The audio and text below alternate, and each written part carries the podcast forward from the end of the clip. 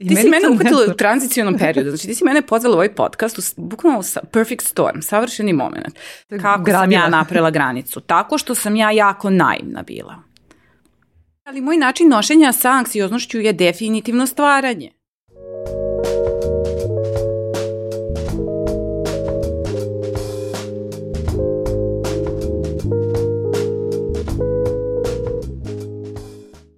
Dobrodošli u Fusnota podcast. Ja sam Aleksandra Petrovski i čitav svoj profesionalni život bavim se postavljanjem pitanja.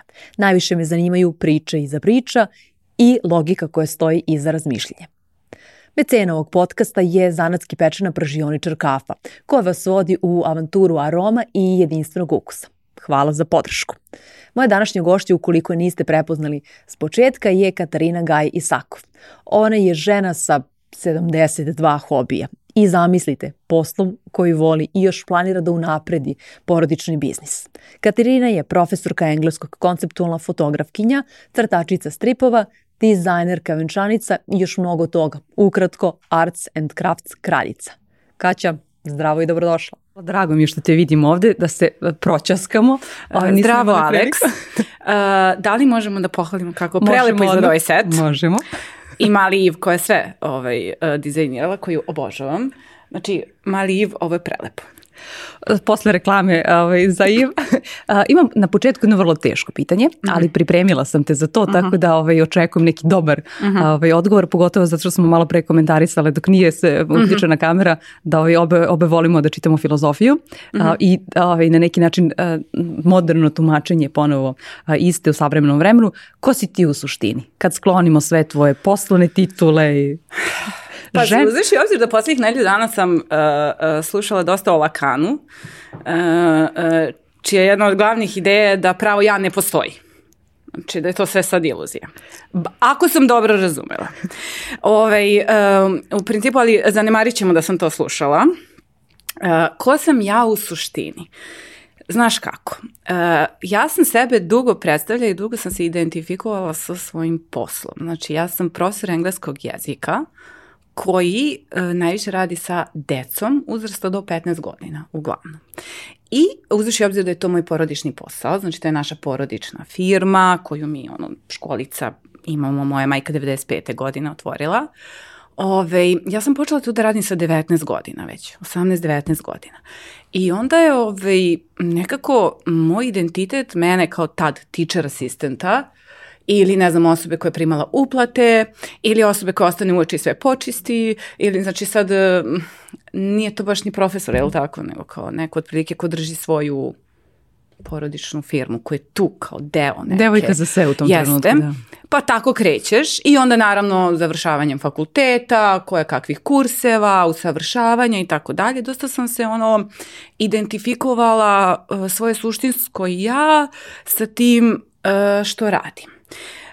Kao svi ljudi koji, mislim, pretpostavljam, ja sam dosta kreativna, nekako moj odušak je uvek bio pronalaženje hobija i svaki hobi kada dođe na određeni nivo uh, mi postane isto još jedno dodatno opterećenje, spreda traženje novog hobija.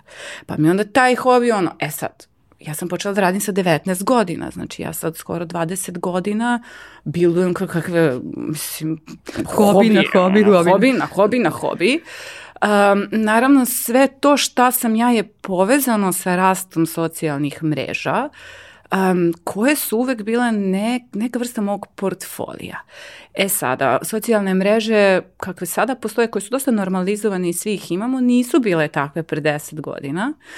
I negde pre 10 godina već imam taj problem šta sam ja u suštini, zato što ja želim da prikažem te moje hobije, taj proizvod koji ja napravim, ali e, mi on možda ne ide uz moj posao. Konkretno, ja sam, na primjer, jedan od prvih i ozbiljnijih hobija mi je fotografija.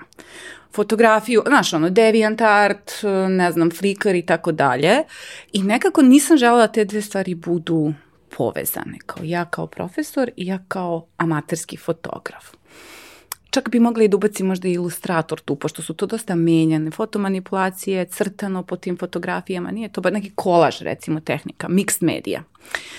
Ove, Tako da u suštini ja sam dugo bila, sebe bih definisala kao profesora, ali sam imala tajni profil sa pseudonimom. Ali meni je interesantno zato što čak i kada se predstavljaš pod imenom i prezimenom, mi smo se tako upoznale, mm -hmm. ja sam te zvala da, da radiš ovaj strip za portal mm -hmm. na kome sam radila, uh, ti upravo kažeš ja sam profesorka engleskog. Ja sam, uh, ti si mene uhvatila u tranzicionom periodu, znači ti si mene pozvala u ovaj podcast, u, bukvalno u perfect storm, savršeni moment, zato što sam ja u posljednjih mesec dana odlučila da potpuno promenim svoj pristup uh, nekako socijalnim mrežama, što iz, filo, što iz filozofskih nekih shvatanja koje sam posljednjih godinu dana stekla. Ove, a i generalno iz želje da nekako prihvatim sebe i svoje skillove, te neke svoje veštine um, kao validne. Uh, meni je uvek bilo kao, uh, nisi ti jedina koja sam ja to uradila. Imamo situaciju gde sam ja dobila fantastičnu saradnju najlepšu u mom životu, znači sa uh, najlepše želje ovaj, čokoladama, gde sam radila stripove za njihov sajt, gde su oni mene veoma lepo platili, znači imala sam potpunu umetničku slobodu, to je tako redko. A, mogu ih samo pohvaliti, oni bi produžili ugovor, znači sve dok nisu sad prešli na drugu kampanju. Tako su se divno, pro... znači ne mogu nahvaliti više to što... Ta kampanja je krenula tako što je mene kontaktirala agencija za to. Ja sam rekla, ja nisam ilustrator ja sam profesor engleskog jezika. Znaš, te meni posle ta devojka poslala ono privatne poruci preko Instagrama kao, znaš, mnogo je teško prodati nekoga koga želiš da angažuješ kao ilustratora sa rečima, znate, e, molim vas prenesite klijentu, ja nisam ilustrator. Znači, ja sam i uprko s tome dobila uh, taj angažman, ali sam tad počela da menjam stav o tome šta ja jesam i šta ja nisam. Znaš. I upravo me taj moment zanima. E, kako zapravo sebi daš ajde kažemo odobrenje. Mm -hmm. da, da budiš što ti uh, jesi pa možemo da kažemo a, amaterski crtač stripova. Apsolutno. Amaterski fotograf, tako da, ali ipak stoji nekakvo obrazovanje iza toga. Apsolutno. Znači ja, uh, mislim, ono, dolaskom online kurseva, ja, ja sam tu doživela tako produhovljenje, znači ja sam toliko kurseva završila u tom nekom smislu. Ja sam naučila da šijem, ja sam naučila da, meni, mislim, nekako sve uh, počinje od tog momenta gde mene počinje interesuje fotografija. I meni je onda um, fotografija u stvari donela sve te druge interese zato što je za fotku koju ja želim da proizvedem bio potreban kostim. I onda sam ja bila no, pa dobro ima ovaj kurs za šivenje, mogu da ga skinem sa neta, bilo i na YouTube-u, čak u to vreme ono nekih segmenata kao koji si mogu da savladaš. Pa sam onda naučila da šijem. Znači, samo za to da bih mogla da sašijem kostim. Pa sam onda krenula da učimo o kostimu šta to želiš da kažeš na toj fotografiji kroz taj kostim. Pa mi onda falila scenografija, pa sam onda krenula daš malo da učim o scenografiji uh, preko svih tih kurseva. Pa mi je onda falilo da radim skice za um, fotomanipulacije i za fotografiju koju želim da... Pritom ovo je sve samo iz mog hobija. Znači ja ovo sve radim, ja uvek radim popodne od 5 do 10 uveče, pošto su kursevi uglavnom popodne, jer da bi deca stigla posle škole i mislim ljudi koji on, rade. Ja imam uh, između ono, kad nemam neka predavanja na faksu ili šta god, ja imam slobodnog vremena. I to sam popunjavala fotografijom. I ta fotografija je kod mene donela masu nekih novih hobija koji su bili potrebni da bih ja dobila finalni taj neki proizvod.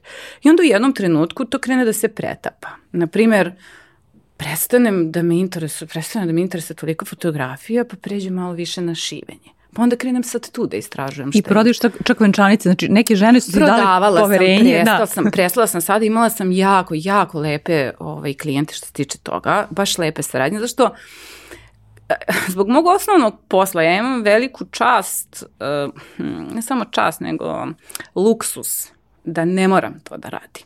Ja sam onda radila ono što sam ja želela i onda smo se baš lepo poklapale uh, um, te devojke koje su sa mnom radile venčanice. Međutim, ne radim više zato što je to dosta stresan posao. Um, jer ti nisi, um, um, venčanica je jako bitna. I to se onda i odrazilo da. na mene, jer prosto, hoće li biti ok, da će, i onda taj moment nisam mogla da podnesem. Do duše, naravno, kako udario COVID, pa onda smo i prestali, jer tu je potrebno te četiri probe, um, gomilu nekog ono, jedna prodavnica, druga prodavnica, treća prodavnica i onda kad je udario COVID, to je jednostavno samo se zagasilo, ali da, moje, moje šivenje kostima za fotografiju je dovelo do toga da sam ja unapredila svoje znanje do te mere da ja umem da sašim korset, da znam 20 slojeva tila da spojim da budu jednake veličine, da, razumeš, mislim, to je sve onako, to su ozbiljni um, um, ozbiljna tehnika je u pitanju, gde sam ja i dalje bila u filmu, ali uh, vi ne razumete. Ja sam profesor engleskog jezika. E, hajde da se zadržimo na toj profesorki engleskog jezika još malo pre nego što uranimo Aha. ovaj, u ove uh, priču o tvojim hobijima, koji to nisu. Mm -hmm. um, zanima me kako ti zapravo to gledaš, ako računamo da je sve to što si sada spomenula s jedne strane i da ih sada nazovemo hobiji, a s druge strane to što, to što si profesorka engleskog jezika i po formalnom obrazovanju, ali i tvoj posao ne mogu da kažem 9-5, pošto ne radiš od 9 do 5. Od 5 do 10. da, ali ok, razumemo šta, šta je pojenta. Kako ti sad smeštaš u neki svoj koordinatni sistem te dve stvari? Moje razmišljanje naravno je... Uh Moje razmišljanje je inspirisano Hegelom uh, i samo želim da kažem da ja sve o filozofiji što slušam, slušam dok se šminkam ili tako nešto, pošto sam inače uvela pravilo da ne, dosta blame na TikToku, onako gubim vreme, to mi je kao relaksacija i onda sam shvatila da sam počela da gubim um, koncentraciju za bilo što drugo u životu, jer je to veoma brzo i ono. I da bi povratila svoju koncentraciju nazad, onda sam počela da slušam kakve analize o filozofima i tako dalje, što onda radim, pravilo mi je da kad se šminkam ili uvijam kosu ili bilo šta, moram da oslušam nešto o nekoj teoriji nekog filozofa i onda pustim, znaš, kao neki podcast ili nešto, mora bude pametno.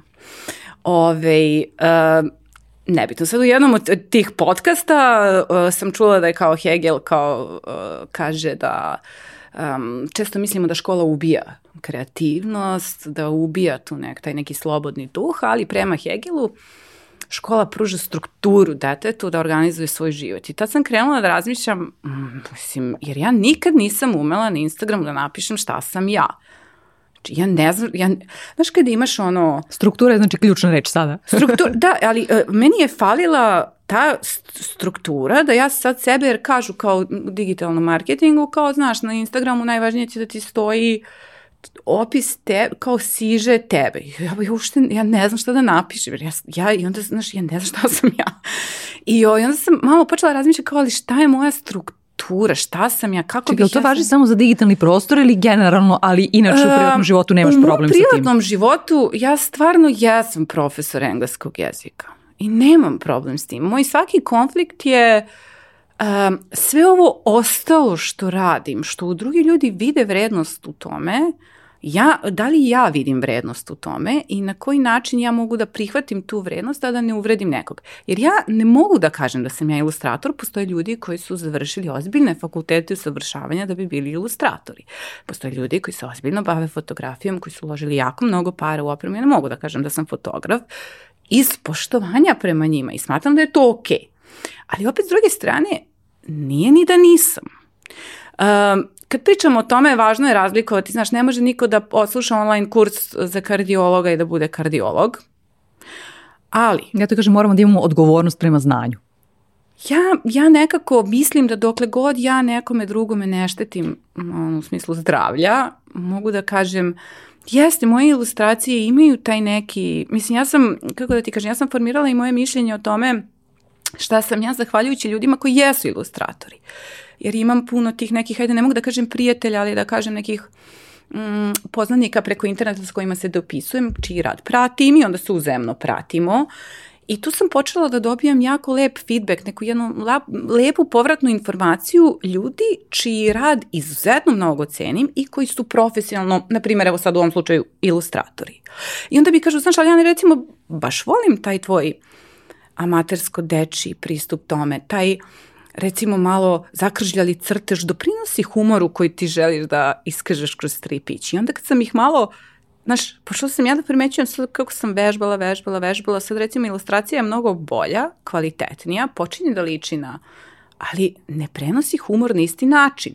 I onda kada hoću nešto da bude na određeni način smešno, ja moram da unazadim svoju ilustraciju da bi ona prenela I tu sam negde počela da uviđam vrednost kao da, ja jesam amater, ali to u sebi nosi isto neku vrednost.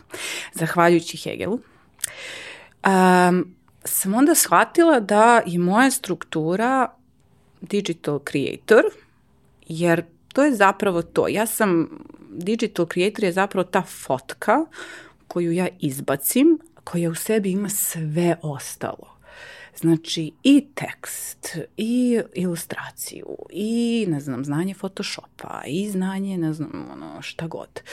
Um, I imam utisak da sam se onda nekako tu pronašla. I tad sam, zato ti kažem da si me uhvatila u fantastičnom momentu, jer ja sam tekst sad uspela da odvojim to kao validno, digital creator, i ja profesor privatno.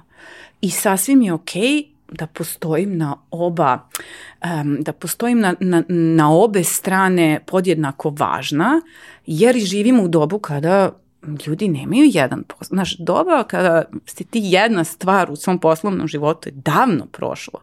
I sasvim je okej okay da imaš dve stvari sa kojima se identifikuješ. E, a kako gledaš, uh, pošto ti voliš zapravo što si profesorka engleskog jezika? Ja obožavam i moju školu i sve, ja planiram da, mislim, i posle penzije držim časove. Mislim, a, ja, to je prosto ono, kao moj život Bez obzira što, što jeste to vaš, hajde da kažemo, privatni biznis, uh mhm. -huh. ali jel se nekad zapitaš kao, ok, ja sam tu imaš i vreme kada pripremaš časove i ostalo, ali ja sam tu to od 5 do 10 i tako dalje, ali ako ja dam gas u tome, da li ja mogu da uvećam u školu, da ja otvorim dodatnu svoju neku školu bez da budem porodica? E sad se tu, sad vidiš, sad tu um, dolazimo malo prvo do dinamike u um, porodičnoj firmi, uh, gde ovaj, uh, mi svi funkcio, funkcionišemo kao uh, jedinka, a možda imamo svi drugačije stavove.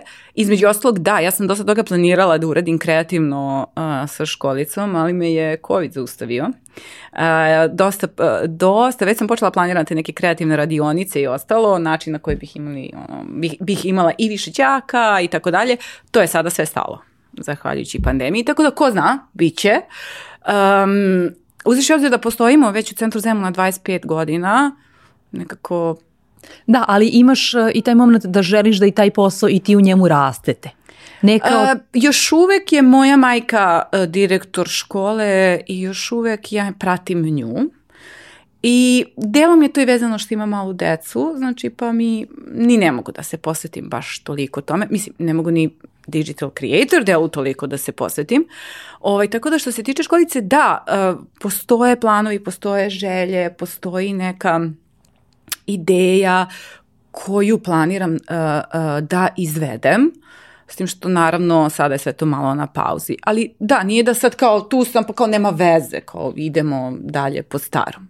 Svašta se tu dešava, ove godine sam dobila ovaj, prošle godine uh, smo doveli mladu koleginicu našu koja između oslog naš đak stariji i ove godine sam dovela koleginicu koja radi isto i u ofisu, isto naš stari đak. Uh, Ove, I toliko se osvežila škola, tako da mi je to jedan od planova mm -hmm. dovesti nekako malo novu ekipu tu, jer sad naši đaci završavaju filološki fakultet koji su krenuli sa pet godina kod nas i treba im posao i nekako se nastavlja onda ta uh, a, porodična atmosfera u stvari. Znači ti se i dalje, ovaj, to mi je nekako bitno da podvučemo, investiraš i u to, mm -hmm, i smanjenim mm -hmm. intenzitetom imajući u obzir. I, uh, imajući Ali zbog da dece, da. ne zbog uh, ne, da. drugih stvari. I, I još nešto, uh, obično kada ljudi, često sam se susretala sa tim, kada ljudi imaju ne toliko kao ti, ti si, ovaj, ali kad ima više hobija uh -huh. uh, i nekako gledaju da oni svoj primarni posao na neki način zaborave i ne uživaju u njemu. Moj, ali pa sam ja sam specifična. Da. Moj posao, moj posao je velikim delom, uh, mislim, jedan deo jeste naravno present simple, present continuous. Zašto si opet dobio keca? Zašto si napisao du kad je treće lice? Mislim, to je moj, mislim, ja, ono... Ima dosta ponavljanja, ok, da. Ma, mislim, naravno i to, uh, znaš, posle 20 godina, ono, kako opet... Ali to je, ja bih rekla manji deo. Moj posao je izuzetno kreativan. I onda, uh, a moji hobi su svi kreativni, znači moji nekako kreativni život i ne, neki taj, uh, da kažem, poziv se u stvari dosta ono, što bi rekli Zemunci ima živinu. uh, što bi rekli Zemunci ima živinu, neku, ovaj, dođite na lido. I hijerarhiju, dobro. I hijerarhiju, jeste. ok, um, a hajde sada da, da vidimo kako uh, ti E, svoje hobije ređaš i koji je moment kad ti kažeš aha, ovo je posao, kada da kažeš, da, da, ovaj, nazoveš to nekim isto dodatnim ovaj, poslom i onda tu ubaciš novi hobi to mi je baš onako interesantno. Misliš kako uh, od hobija pretvorim posao? Jel me da. na, na to misliš? Pa to, da. Kad dođe taj moment kad kažeš, e, ovo više stvarno nije hobi, ovo mi je sada i posao. Pa evo možemo da uzmemo konkretno venčanice, znaš. Uh, um, u principu je zato što uh, me sam žene su me molile ne znam kako drugačije Pitale da se Pitale su te, dobro, ok, da li, da li bi žela da im napraviš venčanicu? Da, Aha. znači nije bio moj neki, ja, ja sam počela da pravim, mene počela da interesuje, generalno me počela interesovati tako, um, kad sam se ja udavala, nisam mogla da nađem haljinu, A meni su se dopadale boje i sad redko su se nalazi. Ja sam tela recimo neku svetlo roze venčanicu i iznajmljivanje iste, ono je, to je prvo za katedrale venčanica, ono koja se vuče 10 metara iza tebe i koja, ovaj, kako bi ti rekla, košta 1200 evra da se iznajmi. Ja se molim, znači ja ne znam da li nama bio budžet za venčanje toliki ono. I tu se negde od meni, ja sam krenula pišem kao pa da li biste htele, volela bih til nije toliko težak za rad, mislim da bih mole, mogla neke kao ono jednostavniji korsetić, ali u zanimljivim bojama. Kao počela sam da radim na tome, odjednom I već tada si poznavala šivenje kostima, nisi se tada prepostavila. Uh, jeste s tim što sam tada ono, znaš, poskidala neke ozbiljnije kurseve da vidim i onda sam ih ono, pustiš kurs pa kao ponavljaš šta, mislim ti prvi put kad god nešto radiš sa šivenjem, mislim ti računaj da je prvi deset komada propalo. Tako I da šta da radiš sa tih prvih deset komada? Ništa, to se uglavnom završi iseckan u nekom jastuku. Mislim, to... Počela si posle lutkice isto da praviš. Jeste, lutkice su bile reciklažni uh, uh, projekat, um, pošto tebi puno, kad sečeš til u krug, ti imaš jako mnogo reslova i onda sam te, taj til seckala, znaš, na sitno gurala lutkice. Mislim, znaš, kao reciklažni Tvoja deviza stvari nema ništa da se baci. Pa, ali trudim se, nisam još na tom nivou, trudim se stvarno i trudim se, idem ka toj i reciklažnoj modi i tome da kao neću kažem zero waste, što smo daleko od toga, ali kao trudim se, uh, trudim se da ne uzimam ceger na zemunskoj pijaci, ali ne ide mi. Zato što svaki put moram da se svađam, ono, a oni ubace svaki paradajz u jednu kesu, a ja nosim kao 14 cegera i nosim one uh, već svoje kutije, znaš, da mi kao u tome mere sir, pa onda kao ne merimo u tome nema veze, izmeri mi sir u moje kutiji, molim te, ovo je za mene bitno, znaš. Tako da, ovaj, nekada nisam uvek raspoložena da se na pijaci raspravljam o toga. Ali da, krenula sam te venčanice e, kao koncept o kojem ja pričam i one su same krenule traže i, i nekako um, ja sam od moje publike na Instagramu, mislim kažem publika zato što sam sad definitivno, jer je moj Instagram bio privatan nalog, u poslednjih godinu, godinu i po dana on to definitivno više nije. Znači ja sam sad definitivno prešla na to da je to za koncepte, za fotografiju, zanimljivo ono čitanje, ilustracije, on više nije privatan. Ali tad uh, uh, i dok je bio nekako privatan, one su meni prilazile onako dosta, kako bih rekla, kao drugarice. I onda, znaš, osjećao si se ohrabreno. Sad mogu da kažem publika, tad to nije bilo to. To jeste bila neka vrsta parasocijalne veze, mada se posle pretvorila u pravu vezu, jer su one kod mene došle po tri četiri puta u kuću da probaju venčanicu. Smo mi tu venčanicu zajedno dizajnirale. Um, stoga sam imala puno podrške od ljudi koji su me tada pratili. Zbog čega? Zbog onoga što, kao, volim da šijem, malo volim da fotkam, malo volim, nisam ja mnogo pazila o strukturi toga što postujem, koliko sada pazim. E, I Kako sad recimo regneš, ok, rekla si malo pre, uh, bila je fotografija pa si nekad stavila malo po strani i ostalo.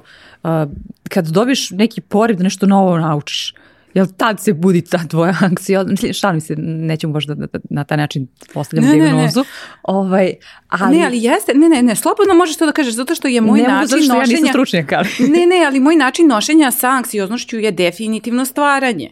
Znači, to je jedan od razloga zašto ih imam toliko mnogo. Znači, meni, ja ceo život, kad znam za sebe, sedim sam u sobi i nešto crtam.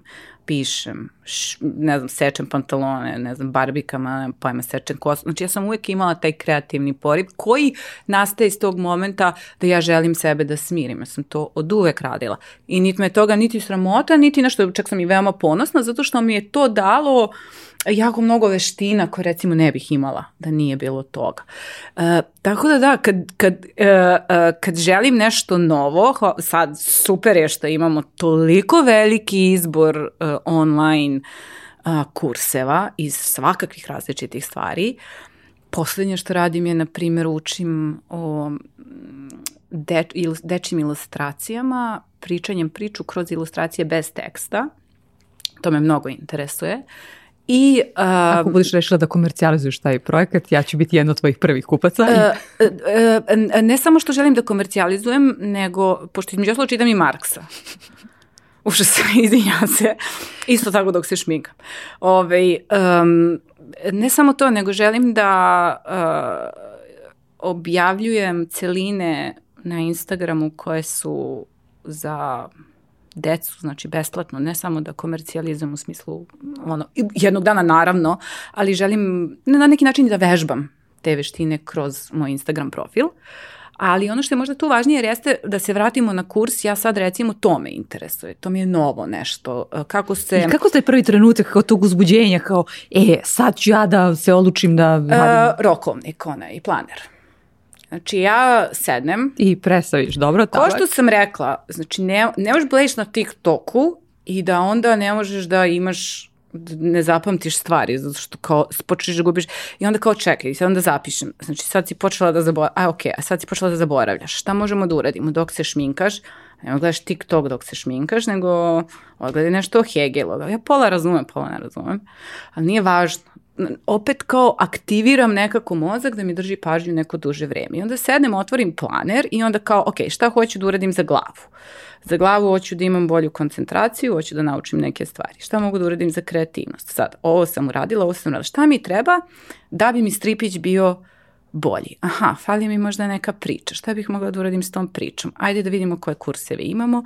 Nađemo kurs o dečoj ilustraciji, nađemo kurs o, ima fantastičan isto o, čoveku iz Meksika koji priča o tome kako se uh, pišu dečije priče. Moj jedini problem je što se uvek rasplačem uz kurs i onda moram da prekinem kurs da se isplačem, pošto su tako divne e, njihove priče o tome kako su oni došli do svojih pozicija, jer on je recimo, on ide po selima nekim zabačenim i uči decu koje ne znaju da čitaju kroz e, priče koje piše, uči njih da čitaju suze, ne mogu da se mm, smijem. Dobar i pripovedač. Odličan. I, ove, I recimo to vidim da mi je falilo, neka struktura recimo u pisanju. I sad kao, planiram dosta unapred. Moje neko rešenje um, u poslednjih, pa rekla bih možda tri godine je ozbiljno držanje planera, ali ne onaj, um, onaj bullet planning što svi ono vole da fotkaju sa stikerima i sa svim, to je gubljenje vremena. U, ono, moje mišljenje, zato što barem ja sam gubila vreme, jer onda kao sve vreme se u stvari baviš crtanjem i to, time da ti planer izgleda lepo. Da popuniš nešto što je neko drugi definisao. E, ne. Razumem, da. Ne. Planer je bilo kakva sveska, vrljaš, razumeš, smišljaš, oni su, moji su svi katastrofa. I onda sam napravila varijantu da kao sve što, kao svaki put pišem šta želim da postignem, ono što ne postignem, prepišem za sutradan. E sad, neke stvari koje su ozbiljnije i teže, ja prepisujem po 45 puta, razumeš? Ponavljanje je majka znanja, ok. Nekada ih, i onda recimo posle 45 puta ili ga uradim, ili ga isprišam. Znaš, do određenog momenta postaneš svesna kao, e, ovo se neće desiti, jel tako, o, već, već 70. put prepisujemo istu stavku. Mogli bi da sad... Ali kog su nivoa te stavke? To kao, e, da li... Od svega. Znači, od toga, e, evo recimo možemo da uzmemo za primer poslednju stvar koju sam radila na Instagramu. A, bav, čitala sam, dosta sam razmišljala o Photoshopu, o filterima, o tome kako ima puno mizoginije na internetu sa tim kao uh, ova koristi filtere, kako je kao laže, obmanjuje narod, a onda ona koja ne koristi filtere je matora i ružna, a onda ona koja se operiše kao vidi je na šta liči, šta se napumpala, a onda ona koja se ne operiše matora, idi kao sredi se ženo. I kao to me je kopkalo na koji način bi mogli da napravimo neki umetnički, mini umetnički projekat da se kao bavimo tom temom, a da pritom, m, pošto ja ne volim, ja nikoga javno, neću kažem prozivam, ali ja nekako ne bavim se tuđim sadržajem toliko mnogo na internetu, jer ne želim preko tuđe kičme da gradim svoju neku karijeru. Nisi Tako da drama se, queen. Trudim se da ne budem, jesam privatno veoma, Ali na internetu, Uh, da. ali trudim se da to ne projektujem. Trudim se, ne uspevam uvek, mislim, imam ja svoje izjave katastrofa. Neću ni da zalazim to, nismo mi savršeni, ali hoću da kažem da kao to trudim se. I, ovaj, I onda sam smislila da napravim interaktivno, a, pet fotografija sam postavila, na svako je nešto bilo izmenjeno na meni, ista fotka, ali je izmenjeno suptilno, znači nekim, mislim, suptilno u smislu kada se uporedi sa Face appom ili sa aplikacijama dostupnim ovaj, na internetu, nije suptilno ako pričamo o profesionalnim retušerima, mislim, to je ono, druga priča. Um, napravila sam pet fotografija od kojih su sve imale izmene, ali je četvrta bila mm, baš dobro odrađeno retuširanje. I pitala sam ih koja je od ovih pet prava. Znači, preko 150, mi 150 komentara bilo. Većina je glasala za četiri, većina je prepoznala ovaj, fotografiju koju sam ja namenila kao pravo, ali koja opet nije bila prava. I onda sam im sutradan u storijima sve to usnimila. Rekla sam im za Lakana, za fazu ogledala, kako se to povezuje sa socijalnim medijima, uputila sam njih na baš jedan lep zanimljiv članak iz New Yorkera i nekako sam jednu ozbiljnu temu obra, ono, obradila na potpuno jedan način u kojem nemam ja neki stav, ovo je činjenica. I postavila sam im pitanje, šta mislite, šta je onda opasnije, ovo gde prepoznajemo da je Face app ili šta god Facetune, ili ovo gde se mi profesionalno bavimo retuširanjem, a možemo i da izbegnemo retuširanje. Gde je tu svetlo? Gde je tu šminka? Šta sve to znači? I baš su se lepo, po- na jedan lep način sam dovela nekako bitnu temu bez da ima ikakve drame. Znaš, i, ovaj, i idem nekako sad, to je neki put ka kojem ja idem. Interaktivni mini umetnički projekti. I u planeru ja imam 17 stavki. Lakan, New Yorker magazin, a, retuširanje, face app, e, story, ne story. E, razumeš? I onda jednim predstavanjima i drugim, oni se nekako, znači to kreneš od oko 16 različitih stavki, one svako se spuštaju u jednu tačku posle recimo dve nedelje. I onda ja E, ali kako ti to doživljavaš? Uh, ok, možda će te neko vi- kada pogleda to angažovati za, za nešto, ali opet to je To nešto bi bila gde... fantastična kampanja za neku, recimo, um, proizvode kozmetičke. Da. Ali gde je, um, ti investiraš tu svoje vreme. Da. Uh, I kako sada to na kraju dana posmatraš? Kada kažemo investicija, tu je uvek nešto što očekujemo da nam se vrati. Uh, ali ti dosta svoje i energije i vremena investiraš koje bi možda ovaj, u nešto drugo uložili. Kako, kako dakle, posmatraš u ovom slučaju tvoj uh, mini aktivizam na neki način? Um, zato što se meni to vrati, m, samo ne novčano. Um, ja imam veliko uživanje u tome. Znači ja, um, to je moja relaksacija. Jer ja znam da nekome to deluje kao jako mnogo posla. I to jeste mnogo posla. Ali meni je, ja ne mogu da sedim i da gledam seriju koja mi je glupa i da se opustim. Um, znači, meni je to u neku ruku veliko opuštanje. To kad sedim sama sa sobom, ono, dete se igra tu pored i ja se kao pišem, pa onda pročitam, pa kao neko istraživanje, mini istraživanje, pa kako ćemo to da spojimo? Pa za... I mozak mi je nekako aktiviran um, na pravom mestu. Je smiren u tom stanju rešavanja tih mojih misli. Umesto, i to ćeš me verovatno sada razumeti, da odem, ne znam, Twitter nemam, ali da odem na neku ne znam, face, zašto pričate o ženama da su ružne, a onda ih vređate kad su lepe. I meni taj status što smo koristili, mislim ja sam to ono kad si outraged, što bi rekli ono englezi, kada kao želiš da iskažeš nešto svoje, ovaj, meni status nema umetničku vrednost. I ja sad onda pokušavam da svojim mislima dodam neku vrstu umetničke vrednosti. Da ponudiš možda deo rešenja, kako da prevaziđemo Čak to. ne ni da- rešenje. Ovde, u ovom konkretnom slučaju, ja nisam nikako rešenje ponudila. Ja sam samo bila u fazonu, ovo je zanimljivo pitanje za razmišljanje. Ali si ponudila širu sliku i samo si Širu- sa sobom nadam se. istražila malo više. Da. Nadam se da sam ponudila, ne mora da znači. E, svakako ljudi, želim da se ogradim, um, znaš, jer kao meni svi, ali e, p- onda sam dobila pitanje kao, ali šta misliš šta je gore? Ovo ili ovo? I rekao, ali ja ne mislim ništa da je gore. Evo vam šta je rekao Lacan, evo vam što su rekli drugi moderni filozofi na tu temu. Moje lično mišljenje i ovde nije toliko bitno. Ovaj sadržaj je ovde da se vi, da vi pročitate dalje i vi razmislite šta vi mislite o tome. I to je neka crta ka kojoj ja aktivno posljednja, posljednjih mjesec dana baš aktivno idem, a boga mi započela sam pre možda godinu i po recimo. E, I da li sad tu ima tog momenta na kraju meseca kad, pa možda, možemo da kažemo i, i, i dodatno iskalkulišeš, ok, ja sam sada ovde provela toliko vremena Mhm. radeći, ne znam, učići ovo i to ili, ili ovo, pa onda sedneš sa mužem pa ono preberete račune pa kao, a ok, kako ćemo mi da sad i platimo. Dosta ljudi razmišljaju Ne, ja, o tome, e, naprosto meni, moramo ja da... imam moj redovan posao. Mhm, Znaš, i moj, moj, moj redovan posao meni to dozvoljava, pogotovo što ja radim to od 5 do 10 uveče, a ovaj, moja čerka ustaje u 6 ujutru. A, tako da ja, ovaj, kako bih vam rekla, jedna ode u vrtić, druga je cool, onako, baš je mirna.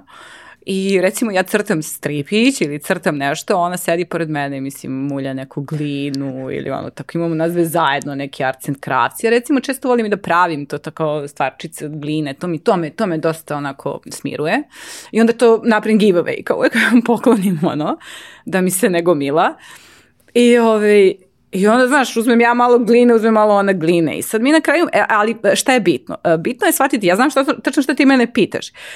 E, bez obzira to što sad deluje da ja kao ulažem u sebe, ja u neku ruku, e, moj Instagram, moj Instagram profil je moj portfolio. I portfolio je ne samo toga da ja umem da fotkam, da umem da, ne znam, šijem, da umem ovo, da umem ono. Mm, Vidi se da umem i da smislim koncept, da ga predstavim, znaš. Tako da ja vidim neku budućnost u tome da, da li sad freelance ili angažovanje nekog brenda ili šta god, tu ima mogućnosti da se zaradi. Ali se opterećuješ tim, ja primećujem da dosta ljudi kao, aha, ok, ja ću sada da sedem, da nagruvam ovo i tako dalje i ja za mjesec dana očekujem da se desi to i to. Mm, Mislim, ili imaš takvu vrstu opterećenja prema očekivanja od same sebe na prvo mjesto? Pa pasi, imam očekivanja, e, e, znaš gde je moj tu problem? Ne u realnom svetu, moj problem je u digitalnom svetu. Ti kao Koji je paranormalan. Ti sad potpuno nešto pokidaš, tri nedelje radiš na videu. E, pokidao si montažu, ah, kakav koncept, što ono, oduševljen si sa svih strana, video ima, ne znam, tri pregleda i dva lajka. I, ovaj, I to ume da te baci u, u, u kao neku vrstu neću kažem depresije, ali ono, izbedačiš se, znaš, puno si posla uložio, nema nikakav, nikakvu povratnu informaciju. Čekaj, malo pre smo pričali o filozofima i Mhm. o unutrašnjem svetu i sve to. I sad, kao kažemo, da postoji neko spoljno ogledalo u, u vidu lajkova i pregleda koje utiče nas. Mislim, neosporno i da utiče, Kako ali... bre, pa naravno utiče. Ali kažem da, i, ali šta je fora sa tim? Um, kada ti se dovoljno puta desi da ti nešto ne uspe i dovoljno puta ti se desi da on kao uradiš nešto za 4 sekunde i ono to kao odzvoni maltene ono u celom svetu, onda shvatiš koliko je besmisl, mislim koliko je to nepredvidivo u neku ruku. Ove, I onda e, potpuno razumem kad ljudi koji rade u digitalnom marketingu prave kampanje koji su sad ću, ovo će pokidati 100% ako ne dobijem nikakve rezultate, a kao joj, ovo će biti katastrofa, a ono bude vrhunski. Oslobode se očekivanja na neki način. Di, da. zato, što je, e, zato što je internet dosta i dalje e, nepredvidiv, iako nije skroz. Znači, postoje načini na koji, borom ja znam po sebi vrlo dobro, um, ko mi je publika, šta vole, kako vole, uh, sad se nalazim i u nekom tranzicionom periodu, pa ono... I koliko zapravo um, manipulišeš, tim, odnosno koristiš to, a, pitam te to zato što vrlo često kada se trudimo da ispunimo Mhm. a, neke norme, a, naša kreativnost ostane nekim uskim granicama. Pazi, ja poku, e, ono što, s čime ja najviše manipulišem poslednjih e, e, godinu dana, odnosno kontrolišem, ne baš manipulišem, jeste izbacivanje privatne mene. To je najvažnije meni bilo.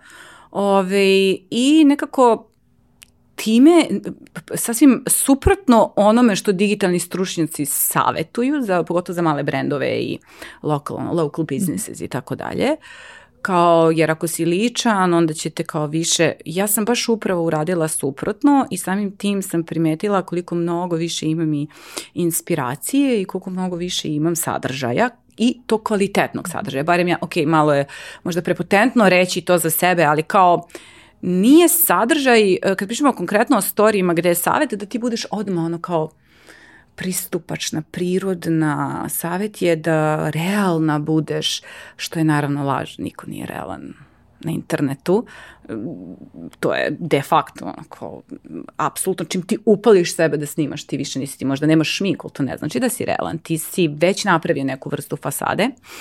Um, izbacivanjem tog momenta snimanje direktno sebe i svog lica, pošto ja nisam glumica, znači trebalo mi je, trebalo mi je dugo da shvatim da nisam glumica i ja ne znam da se, mislim, ja ne znam da iznesem um, ne znam, neki koncept ili bilo šta, ja nisam novinarka na TV-u, ja nemam, ja nemam to obrazovanje, to se isto uči.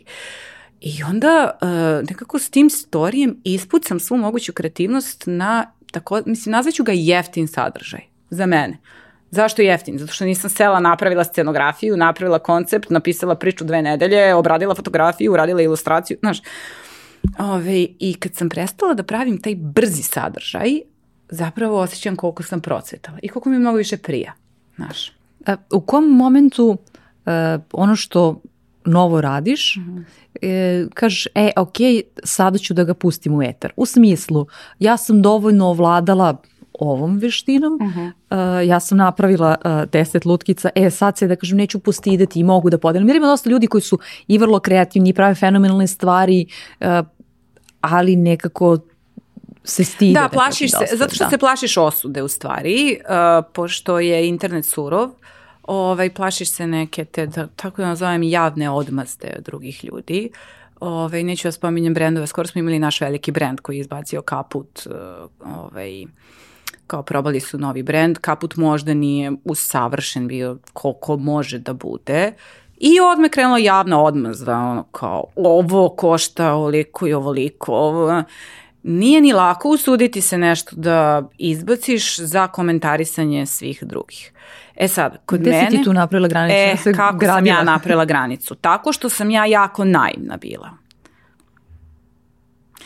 Znači, ja sam napravila granicu tako što sam ja mislila da sam ja jedna mala zajednica mama koje se sve vole i koje su sve tako divne i podržavaju se jer je masa njih zapravo bila takva.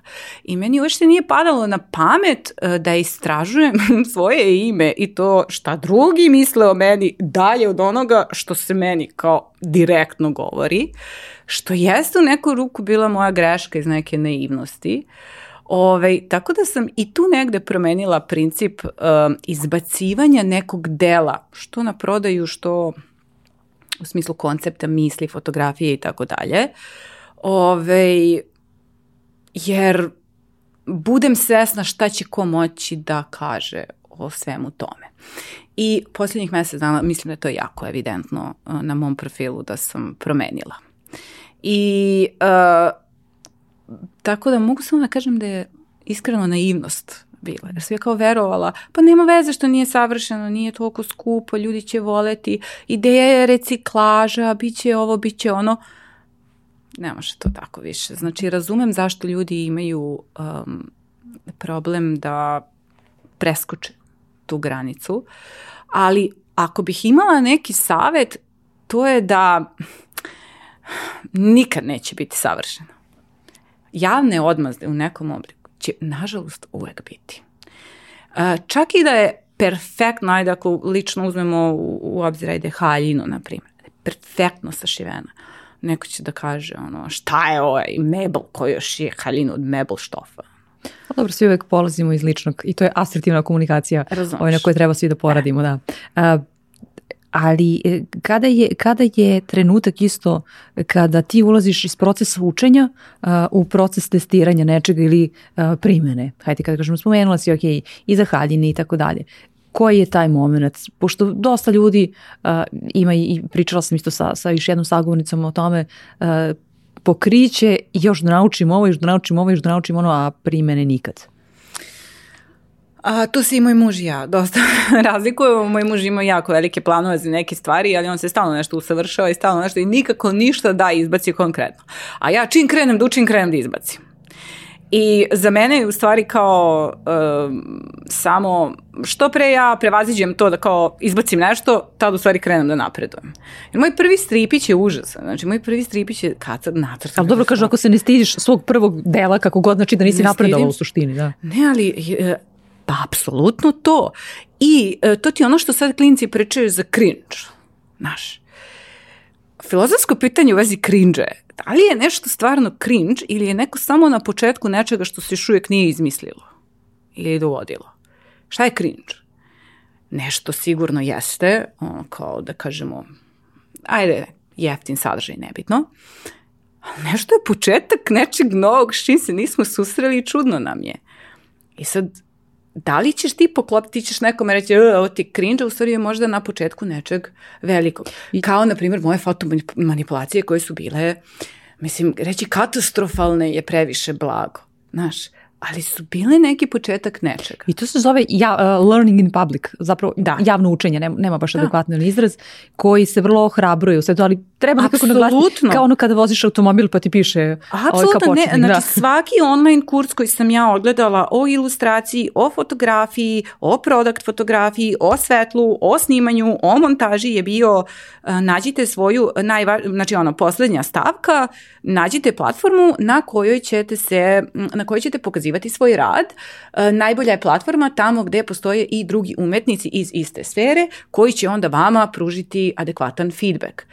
I to je tako posljednjih, mislim, od kad sam ja počela da se interesujem za tako neko usavršavanja sa strane mimo mog fakulteta i posla, na kraju svakog od tih kurseva bilo je odaberite gde ćete prikazati I svoj super. rad. I zato što si spomenula tu povratnu informaciju, uh, kako ti prevazilaziš prvo taj moment da nekoga pitaš za to, jer dosta ljudi ovaj, se plaši, a posle toga da pronađeš zapravo osobu koja uh, da. ima bolj, veće znanje nego ti, ali je dovoljno um, otvorena i rada pa, da pazi, podeli. Kod socijalnih medija je super uh, što se mi nekako svi prirodno uzemno pratimo. Znači ja pratim gomilu nekih naših ono, dizajnera, ilustratora, onda oni zaprate tebe, onda tako lajkujete između sebe ono, fotke, komentarišete, nekako dobiješ mm, ti dobiješ, čak i da se direktno ne kaže nešto, ti dobiješ neku vrstu podrške kroz to. Uh, što se duže pratite, otvara se i komunikacija, pa i dobiješ neki savet, a i konkretno ja sam mali poslala stradala neke majice, ja sam bila pozvano, e, ti se sviđa ovo, šta misliš ono, i onda ona bila pozvano, a ne znam, možeš da popraviš malo ovo, ali mi se mnogo sviđa što ti ovo kao dole pada, mislim, možeš, možeš da priđeš ljudima, uglavnom ako se već nekako poklapate u tom nekom uh, da kažem, u toj nekoj estetici, interesovanjima i tako dalje. Ono što je veliki problem jeste um, kritika koja se krije kao konstruktivna kritika i mm, čak bi ja tu rekli pasivna agresija koja se sakriva ispod konstruktivne kritike i činjenica da ljudi ne znaju šta je konstruktivna kritika. Gde je to? Kako ti čitaš zapravo to? Mm. Šta je stvarno konstruktivna kritika, a šta... Konstruktivna kritika može da dođe samo od tvog profesora uh, sa, uh, koji ti uh, daje konstruktivnu kritiku o tvom delu. Znači, kogod da ti nije profesor na fakultetu ili na kursu, ne može ti da konstruktivnu kritiku. Konstruktivna kritika je nauka u kojoj ti direktno od profesora koji ti drži predavanje dobijaš kako da svoj rad šta god daje usavršavaš. Znači, konstruktivna kritika ne postoji na internetu osim ukoliko nije ono, kao tvoj profesor. Um, e sad, sigurno sam da će se mnogi ono, ne slagati tu sa mnom i to je ok, ali za mene je lično to to. Dakle, to je potpuno, ona postoji da bi usavršila tvoju veštinu koju te neko, tu nema ljutnje.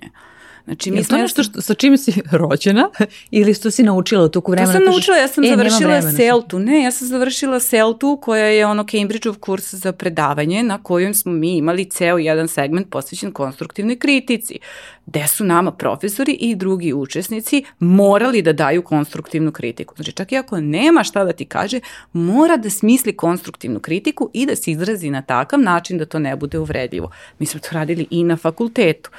E, pošto sam imala recimo creative writing. Mi smo radili konstruktivnu kritiku creative writinga. Ja sam na faksu shvatila i uvek me nerviralo to kao, znaš kad ti napišu neki pasivno-agresivni komentar ili neki ono što se zove backhanded compliment. Kad ti kao da kompliment, ali on kao u stvari nije kompliment. Um, I onda kada, ako slučajno odgovoriš kao, e, ovo, znaš, ako uzvratiš asertivnošću, ovo nije u redu, mislim, iz ovog, ovog i ovog razloga, kakva si ne znaš da primiš konstruktivnu kritiku? Ne, ti ne znaš šta znači konstruktivna kritika. Tako da nisi rođen sa tim. E sada, to pričamo sa moje intelektualne strane. Emotivno, ja sam katastrofa sa tim. Znači mi sad imamo emotivnost, imamo inte, intelektualno ja mogu do sutra da ti pričam ovo ti je ovo, ovo ti je ovo, ovo ti je mi se to povredi, normalno.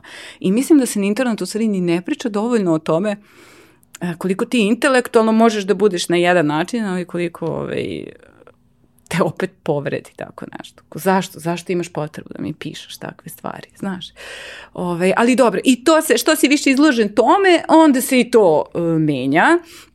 I važno je kada je u pitanju neka vrsta kritike na internetu, pogotovo nepoznatih ljudi ili ljudi koji ono se jednostavno, kako sam čitala skoro ovo sad kad je bilo ovaj, u vestima o tom um, cyber bullyingu, odnosno online maltretiranju, šta god, kao saveti psihologa, kao najvažnije ne uzvratiti, jer su u pitanju osobe sa psihopatskim ono, tendencijama koje žele da izazovu haos, oni žele reakciju.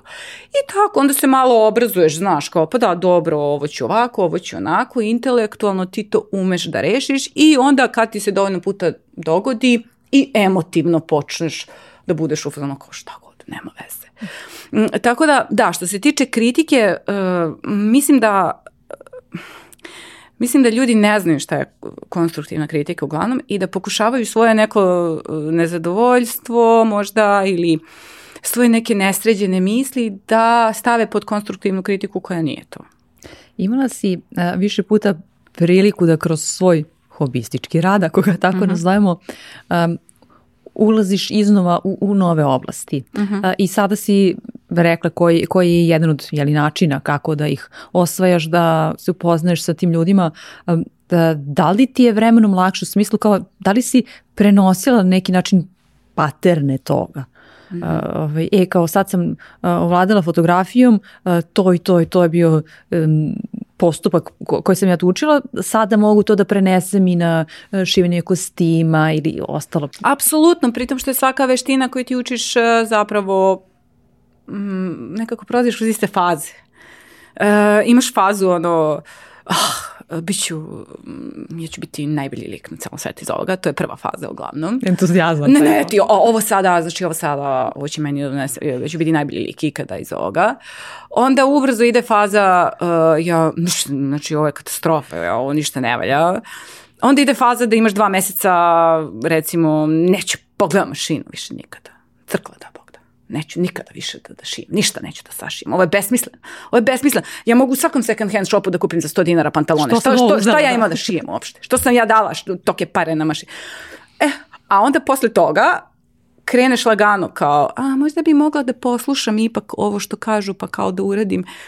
I jest, svaka nova veština je zapravo ovaj, svaka nova veština je zapravo taj neki isti proces ti na kraju, i onda ti na kraju dođeš do jednog uh, uh, proizvoda s kojim si zadovoljan, ali nikad nisi skroz zadovoljan. I onda ti uvek radiš na tome. I mislim da niko ko je umetnik, ko ima umetničke sklonosti, nikada nije zadovoljan na kraju s onim što je napravio, nego kao uvek je mogu nešto još da doda. I onda sad samo moraš da se pomiriš sa tim da je trenutno danas to što si uradio najbolje što si mogao. Za pet godina vidjet ćemo šta će E, ali biti. to je na onom uh, racionalnom nivou. Da. A kako, uh, pošto si pomenula da naravno postoje razlike, kako na da. emotivnom nivou smiruješ sebe Pa ne, recimo ako se nerviram oko šivenja, znaš, onda krenem da fotkam ili ako, ako, ako se nerviram oko fotkanja, onda krenem da vezem. Ako, ako me se nerviram oko toga što mi vez ne ide, onda krenem da crtam. Onda, znaš, volim da se šminkam i da slušam naš neki zanimljiv podcast. Tako da uvek prelazim na neki sledeći, što je super jer sam tako zadnjih 20 godina nabavila jako mnogo nekih, pa da kažem, veština. Sa kakvim ciljem u stvari ti ulaziš kada učiš nešto novo? Um, ima jedan zanimljiv filozof uh, na TikToku koji uh, pravi puzle. Filozof, TikTok, znam, puzle. Znam, imam, imaš ceo philosophy talk, by the way. Um, veoma, veoma zabavan. Ove, ali on inače pravi ono slagalice, puzle, to mu je kao osnovni posao i pravi se onako egzistencijalnim filozofskim pitanjima. I kad god ga pitaju, voli da crta kao hobi, da, ono, slika. I kad god ga pitaju kao, a, jesi kao dobar, kao, kakve su ti kao slike, su dobre? On voli da odgovori sa, uh, kad idem u šetnju da se opustim, niko me ne pita, a kakav si šetač? Jesi ti dobar šetač? I onda on kao pokušava time da nama kaže kao nije svaka aktivnost koju radite da biste se osjećali opušteno, um, nešto što mora da se monetizuje, da mora da postane dobro, da mora da se napreduje. Tako da, ako na primjer konkretno pričamo o vezenju koje mene smiruje dosta, nije toliko da li ja želim išta sa tim, ili polimerna glina, na primjer. Um, nije želja da ja sad kao odjednom napravim sad nešto za prodaju ili da kao to usavršim. Meni prija da kao sedim mirno, pustim muziku, napravim nešto, baš je slatko, evo ga, broš za decu, super. Više je cilj, um, sam cilj je opuštanje, da. Spominjali si više puta tokom ovog našeg razgovora, ali šta je tvoja najveća lekcija od početka pandemije? Uh, od početka pandemije, ja mislim, moja najveća lekcija to da u stvari uh, prihvatim uh, svoj posao kao redovan posao i mene kao još jedan posao, sve ovo sa strane što radim. Um, I uh, redukovanje um, sadržaja, instant sadržaja. Znatno redukovanje instant sadržaja. Zato što um, ti puštaš u etar nešto o čemu nisi promislio jer je normalizovano, svi to radimo, a ja ne želim da imam taj digitalni otisak, nisam ok sa tim i smatram da ako već imam nešto što želim da pustim u etar i nešto što želim da ima neki utjecaj, bilo šta, uh, hoću da znam šta sam rekla i da imam moj planer u kojem je tačno se vidi kako sam ja došla do toga. To možda nekome nije bitno. Ovo što smo malo pričali o kao kako vidimo sebe, ne znam, taj moj mini projekat, to je nezanimljivo. To nije svima kao ušte bitna stavka. Nego je nešto što meni je važno. I onda skupljaš oko sebe ekipu kojoj su to isto zanimljive teme i na taj način naučila sam da u principu samo poštujem iskru, tu začetnu ideju, da je ne iznesem odmah tako što uzmem kao telefon i budem u fazonu, ja, znaš šta sam danas mislila? Danas sam razmišljala, zamisli ovo, Lacan kaže to, to, to i to. Ne. Znaš, nepromišljeno. Danas sam gledala YouTube video u kojem kaže to i to. Ne, nego ja zapišem, pa razmislim, pa kako ovo može se uklopi sa fotografijom, pa kako mogu veliki um, dobrobit filozofije u mom životu. Nije to što sam se ja, ne znam kako, nešto naučila novo. Ja najviše inspiracije za stripiće imam tako što uzimam ozbiljne filozofske ideje i ubacujem ih u potpuno nebitne svakodnevne situacije. I slušanjem tih nekih ozbiljnih tema i onda kao otprilike ismejavanjem svakodnevne situacije, kroz tako nešto ozbiljno, tu, se ne, tu leži komičnost, meni lično. Mm, pre bih ja, tokom pandemije, su si, pogotovo što su imali vremena, bleli na telefonu, ne radiš ništa, ja nisam radila, dok smo bili u kao ono, karantinu. Ne tokom pandemije, pa i dalje smo u pandemiji tokom karantina. Ove, jednostavno bi imala tu iskru začetnu ideju i onda bih odmah ispucala na tako nešto kao ja pričam u kameru. Nit volim da pričam u kameru, nit mi se sviđa posle to da gledam, nit mi interesuje ta vrsta stvaranja, nego volja ako svi ostali to rade pa mogu ja. Plus sve to što kažeš posle ide na um, ide nekim drugim ljudima koji to onda tu prave svoje priče o tome šta si ti rekao, ušte mi to nije bila namera. I, ovaj, i moja negde najveća lekcija je to redukovanje tog instant deljenja, nego smišljanje, razmišljanje, promišljanje, obrazovanje i tako dalje, kao i činjenica da je sasvim okej um, da budem i jedno i drugo. Da budem profesor, ali da imam i o, neku vrstu tog digitalnog stvaralaštva koji će se baviti nekim temama koje su meni zanimljive. Koji je e, znanje ili veština bez koje ti danas ne bi bila ova žena sa kojom danas razgovaraš? Fotografija. Fotografija. Zašto? Pa e, fotografija je, pa, pa, mislim, prvo možemo da počnemo od ono svakodnevnih uh, očiglednih stvari, to da sam ja tako upoznala mog muža. Bez kog, isto, mislim, definitivno ne bi bila ja i bez, bez naše dve čerke. Ove, ali fotografija je nešto, fotografija je prva stvar uh, koju sam ja pokušala da savladam, koju sam mislila da mogu da savladam, koja je onda sa sobom, kao što sam već pričala, povukla sve ostalo. Uh, znači, ja sam krenula da crtam stripiće i ilustracije da bih mogla da nacrtam skicu fotografije koju želim da izvedem. Sve što sam radila može se vratiti do tog momenta gde, gde ja imam 23-24 godine i počinje da mi interesuje fotografija. Eto. Da, da ohrabrim, pošto ovaj, ste vi kuća koja voli da uči, uh mhm. -huh. ovaj, da vas ohrabrim u, u tome. Uh, Krojačeva škola Aha. vam poklanja uh, jednogodišnje besplatan uh mhm. -huh. pristup njihovoj online platformi gde možete da ovaj, naučite ovaj, nova znanja. Divno, pošto sam gledala neke njihove ovaj kurse. Eto, tamo se sklopila. A svi koji uh, pratite uh, ovaj podcast uz uh, kod Fusnote imate 20% popusta uh, da ovaj, kupite sebi neki kurs i opet da vi naučite nešto novo.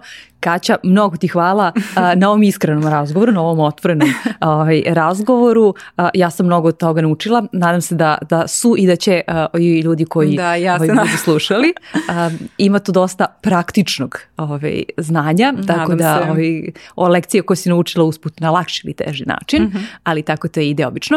Uh, još jednom ti hvala. Uh, hvala vama koji ste uh, pratili ovo. Uh, pretplatite se na, na kanal na, na kome uh, slušate ovo i Vidimo se u narodnoj epizodi. Da,